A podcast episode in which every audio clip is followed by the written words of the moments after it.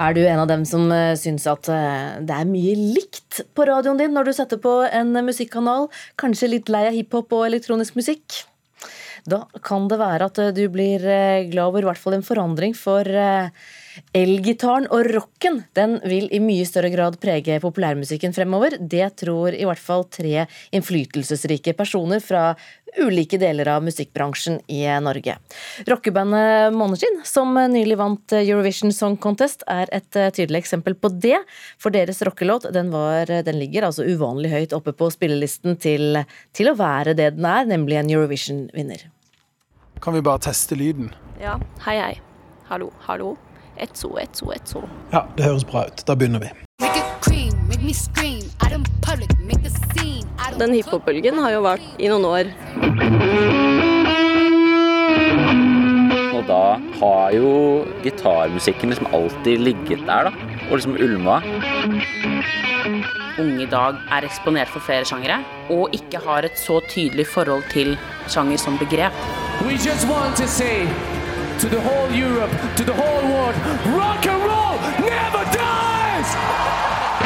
Jeg heter Magni. Jeg jobber i Playground Music, som er plateselskap og distribusjonsselskap. Eh, mitt navn er Peder Ebbesen. Eh, jeg er frilansjournalist eh, som eh, skriver om musikk for Aftenposten, Subjekt og Ballade.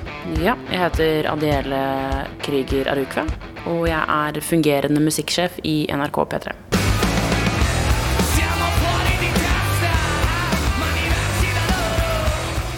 Noen eh, har jo i mange år snakka om at rocken eh, er på vei tilbake. Det har jo kanskje ikke skjedd i så veldig stor grad, men nå føler jeg skikkelig at det er lov å spille gitar eh, på, på poputgivelser igjen. Ja, Én ting er at man har Girl in Red har jo hatt kjempesuksess. Hun er jo ganske, rocke, ganske rockete, altså.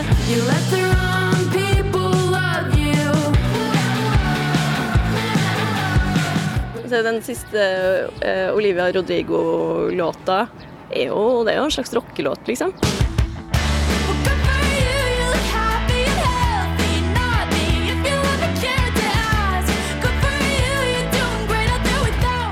Jeg tror at uh, band og liksom rockemusikk, gitar eller instrumentaldrevet musikk uh, kan ha en renessanse nå. Jeg tror ikke vi kommer til å se store rockelåter på eh, topplistene før om mange år. Men det skal sies at artisten i dag er mye flinkere til å kombinere sjanger enn det man var før, kanskje. Eh, så man ser jo at mange av hiphoplåtene, de store hiphoplåtene, er eh, rockeinspirerte, da. Og er kanskje nesten rene rockelåter også, med en hiphop-beat, f.eks. Why you always in the mood? Fuck around like you're brand new. I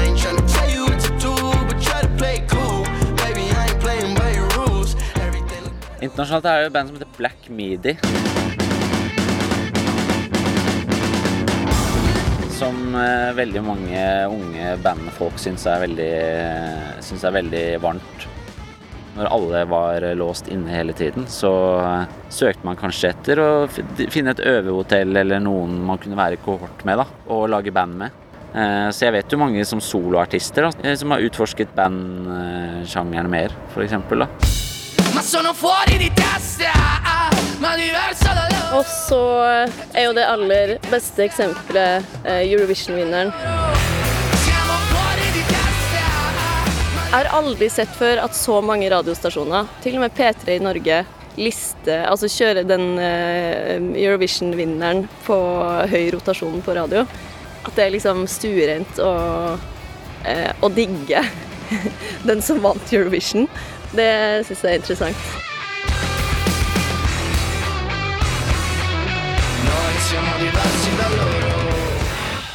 Ja, reporter her, det var Christian Ingebretsen, og det var han som hadde snakket med Magni Sørløk Peder Ebbesen og Adele Krøger Arokve.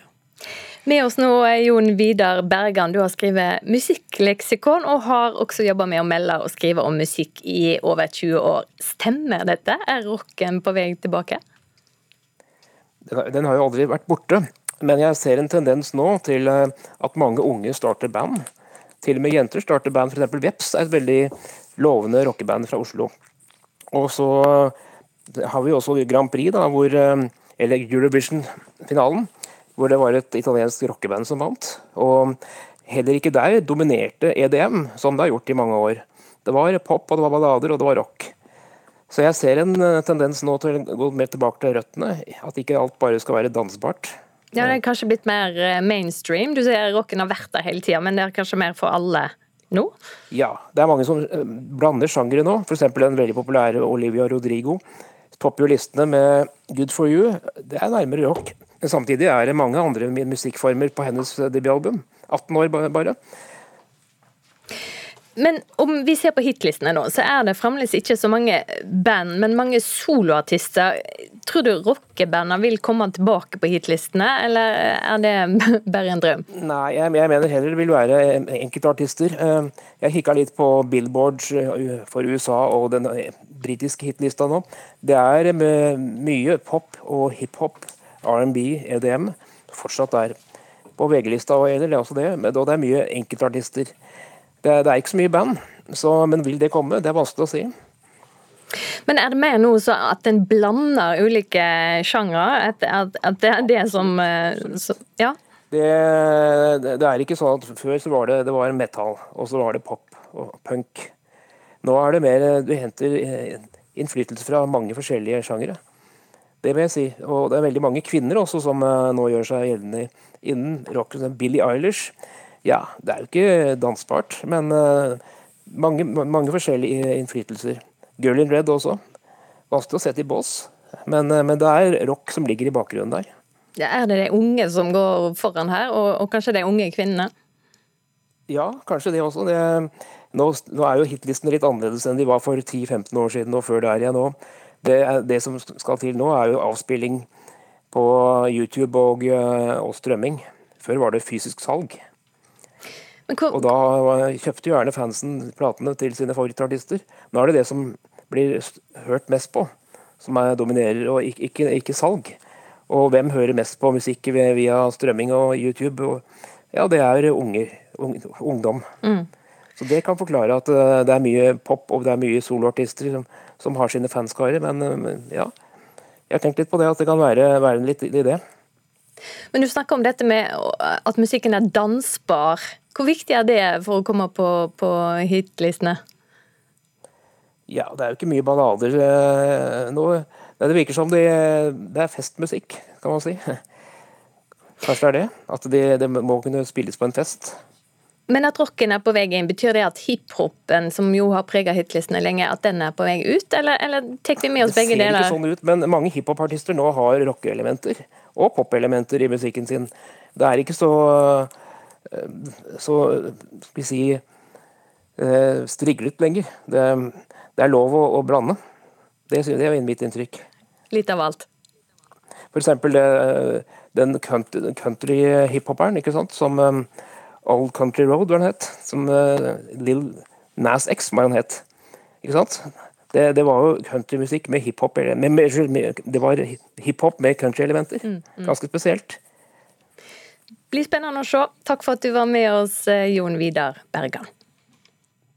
Det handler om eh, Disney, for eh, kortfilmen Let's Be Tigers ble sluppet på Disney pluss i forrige uke.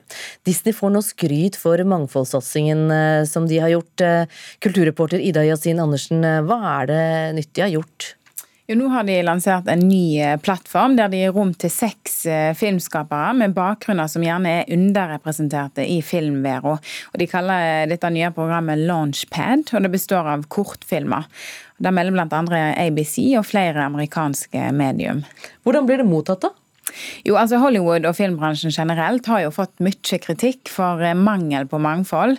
Og vi har jo hørt om diverse filmprisutdelinger som har vært i hardt eh, vær lenge nettopp pga. dette. Så nå får Disney mye skryt for å ta mangfold på alvor. Og pågangen har vært stor. De opplyser at de fikk inn eh, over 1100 søknader, og at da å velge ut seks var ekstremt utfordrende.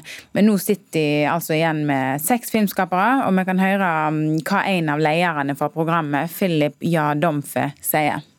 The vision is just to keep empowering underrepresented filmmakers, bring more people into the, the system, give more people exposure, um, because they're just storytellers are hungry and they're looking for opportunity.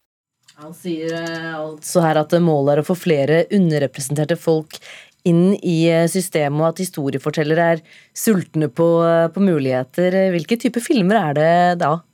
Her er det mye forskjellig. Blant annet denne filmen som vi snakket om innledningsvis, 'Let's Be Tigers', handler om ei meksikansk-amerikansk tenåringsjente som må akseptere identiteten sin som halvt menneske og halvt vampyr. Og en annen handler om amerikansk id-feiring. Litt av hvert, altså, må vi kunne si. Takk skal du ha, kulturreporter Ida Yasin Andersen. Filmen 'Han' har kinopremiere i morgen. Filmen er regissert av Guro Brusgaard, som har bakgrunn fra kortfilm, men eh, hun debuterer nå også i spillfilmsammenheng. Og her setter den norske mannsrolla under lupen. NRK sin filmkritiker Birger Vestmo sier dette er en modig kommentar til kjønnsdebatten. Hvordan er kjønnsperspektivet i filmen din da, Petter? Hæ? Er det noen kvinner med? Det var ikke noen kvinner på den tiden. Den norske mannsrollen settes under lupen i regissør Guro Brusgaards første spillefilm. Hun stiller flere gode spørsmål fra sitt kvinnelige perspektiv, ikke nødvendigvis for å diskutere problemstillingene, men å skape diskusjon ved å påpeke og synliggjøre dem. Han er derfor en interessant film, med en realistisk tilnærming til stoffet, godt skuespill i de bærende hovedrollene, og en stram struktur med et forsiktig stiluttrykk som nesten virker dokumentarisk. Budskapet kan tidvis oppleves som en smule overtydelig, men har ofte både tyngde og troverdighet. Det her er derfor en modig kommentar til kjønnsdebatten, som man vanskelig kan stille seg likegyldig til. Har han sagt det? At jeg er avhengig? Har han sagt det? Nei, men Ja, Men faen tenker han er uavhengig, da? I det korrupte jævla samfunnet vi lever i. Filmen forteller tre historier med enkelte overlappende sekvenser, som forener dem under samme tematiske paraply. Vi møter to menn og en gutt som alle opplever en form for nederlag i møte med kvinner gjennom et døgn i Oslo, nemlig arbeidsløse Eirik, spilt av Emil Johnsen, manusforfatteren Petter, spilt av Johannes Joner, og elleve år gamle Harald, spilt av Frank Werner Laug. Eirik er den smarte, men sosialt utilpasse incel-mannen som lar sin sjøloppfatta utilstrekkelighet gå ut over kvinna. Petter representerer den ressurssterke 60-åringen som føler seg berettiga til alt og mister grepet når han ikke får det som han vil. Og i Harald ser vi tilløpet til en sint ung gutt som i aller verste fall kanskje kan bli en ny ABB. De levendegjøres i solide hovedroller gjennom Joners drevne rutine, Johnsens uttrykksfulle intensitet og Laugs instinktive talent. Det som jeg ikke skjønner, Harald, det er at du som er så smart, ikke heller vil tenke selv. Han er skrevet av regissør Brusgaard i samarbeid med Fiona Jonutzi. Begge har en forbindelse til svenske Ruben Østlund, som kommenterte den nordiske mannsrollen fra et mannlig perspektiv i Cannes-vinneren The Square for fire år siden. Denne filmen legger òg opp til gode diskusjoner om hvorfor hovedpersonene reagerer som de gjør når de føler sjølve manndommen blir trua. De skildres ikke uten en viss empati og forståelse, men dessverre blir deres provoserende meninger ofte avfeid med fordømmende og eller avvisende reaksjoner, i stedet for å kontres med belysende argumenter og perspektiver. Guro Brusgaard kan ikke beskyldes for å ha laga et fargerikt publikumsfrieri med han, men tilbyr en dose skarp, ærlig og tankevekkende sosialrealisme, som trolig vil oppfattes ulikt, avhengig av kjønn, alder og verdigrunnlag. Hva jeg holder på Hva faen mener du? Ja, du får lugna ned deg. Du er aggressiv. Jeg er for faen ikke aggressiv. Terningkast fire. Og filmen 'Han' ble anmeldt av Birger Vestmo. Den har premiere i morgen, og du kan som alltid lese denne og flere andre kritikker på nettsida nrk.no anmeldelser.